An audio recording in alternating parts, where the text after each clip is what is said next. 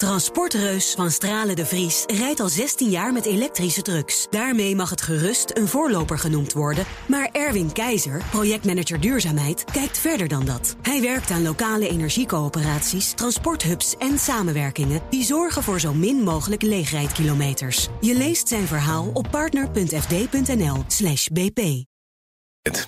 En dan Factgoeroes. Is Frank Leeman bij ons, want het is dinsdag. Frank, goedemorgen. Goedemorgen. Nou, het is niet verwonderlijk. De bitcoin is door eh, nieuwe all-time highs gebroken. Blijft maar records neergezet, zetten ook nu nog. Eh, we gaan het hebben over die bitcoin, hè? Ja, precies. En dan een uitspraak die te lezen was bij Bloomberg een aantal keer. Daar stond 2% van de accounts heeft 95% van de bitcoin. En uh, nou ja, Bloomberg maakt dan de case dat het problematisch kan zijn. Want er kan een klein clubje whales, zoals die dan noemen, de walvissen.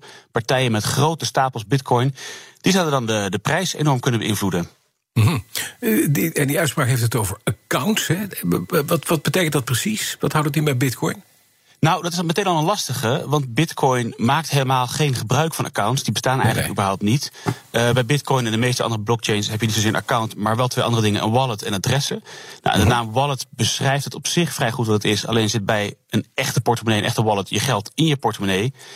En bij Bitcoin staan de Bitcoins eigenlijk, die staan eigenlijk niet echt ergens. Die staan beschreven in de blockchain, maar bewaar je in je wallet de sleutels die je nodig hebt om met je Bitcoin iets te kunnen doen. Ja. Uh, en een wallet is bijvoorbeeld een app op je computer of iPhone. En een wallet app maakt het ma uh, makkelijk om dingen met de Bitcoin blockchain te doen. Zoals bijvoorbeeld een adres aanmaken. En een adres is het andere ding. Hè. Dat is een soort van te vergelijken met je bankrekeningnummer. Uh, het adres waarop je kan ontvangen. Maar het grote verschil is dat een gebruiker een Bitcoin-adres binnen een seconde kan aanmaken. En bijvoorbeeld maar één keer kan gebruiken. Maar ook heel makkelijk heel veel adressen aan kan maken. Er worden bijvoorbeeld per dag ongeveer 500.000 adressen aangemaakt. Maar een uh, ja, adres staat niet gelijk aan een mens of aan een partij. Er komen niet per dag 500.000 uh, gebruikers bij. Ja, dus niet, niet accounts, uh, maar adressen. En dat kan een vertekend beeld geven, dus eigenlijk. Ja, vermoedelijk wel. En dat is meteen maar het begin van de factcheck, zeg maar. In veel van die artikelen en onderzoeken wordt dan geanalyseerd hoe bitcoin verdeeld is over die adressen. Ja. Goed, een gebruiker kan dus meerdere adressen hebben. Of een adres uh, kan de bitcoin bevatten van meerdere partijen. Bijvoorbeeld een exchange kan enorm veel bitcoin hebben, maar die zijn dan eigenlijk van hun klanten. En om die reden is er dus al heel lang kritiek op die 2% heeft 95% uitspraak.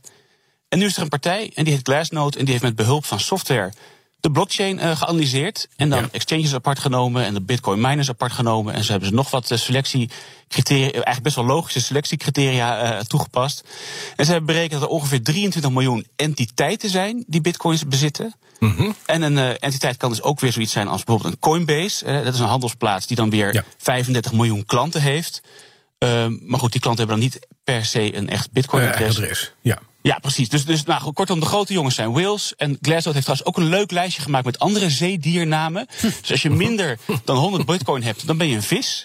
Ja. Uh, een octopus heeft tussen de 10 en 50 bitcoin. En dus ik weet niet of jullie bitcoin hebben. Maar stel dat jij, Bas, een halve bitcoin hebt... Ja. dan ben je volgens dit lijstje een garnaal. Oh, dus dat is, ja, dat is ook leuk. Garnaal, dat ja, is fijn. Maar goed, ja. volgens hun ja. hebben whales 31% van de supply... en wat kleinere partijen van 50 bitcoin of minder hebben 23%. Nou goed, en met die cijfers komen ze tot de conclusie...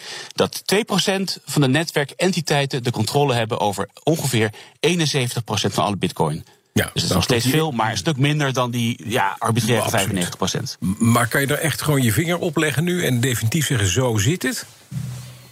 Of, nee, of er blijft het heel altijd veel. bij de vinger in de lucht? Entiteit is ook een beetje vaag. Wat, dat, Ja. dat is een Coinbase, maar ik kan ook een entiteit zijn, toch? Ja. Ja, precies. Dus het blijft een beetje Ja. vaag. En ze hebben ook bijvoorbeeld niet uitgesloten uh, mensen die een account hebben aangemaakt, daar bij wijze van spreken zeven, acht jaar geleden bitcoin op hebben gezet en de sleutels kwijt zijn geraakt. Die, staan, die zitten daar ook gewoon tussen. De Dus zij denken dat zelf die 70% nog wat aan de hoge kant is. Maar goed, in ieder geval die 95% die kunnen we inmiddels wel uh, Ja. meer naar het land der fabelen verwijzen en dan meer hierop sturen. Ja, en die mensen die inderdaad die bitcoins kwijt zijn, omdat ze sleutels kwijt zijn, wat zijn dat dan voor vissen? Overleden.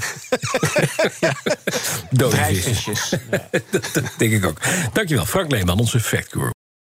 Transportreus van Stralen de Vries rijdt al 16 jaar met elektrische trucks. Daarmee mag het gerust een voorloper genoemd worden. Maar Erwin Keizer, projectmanager duurzaamheid, kijkt verder dan dat. Hij werkt aan lokale energiecoöperaties, transporthubs en samenwerkingen... die zorgen voor zo min mogelijk leegrijdkilometers. Je leest zijn verhaal op partner.fd.nl bp.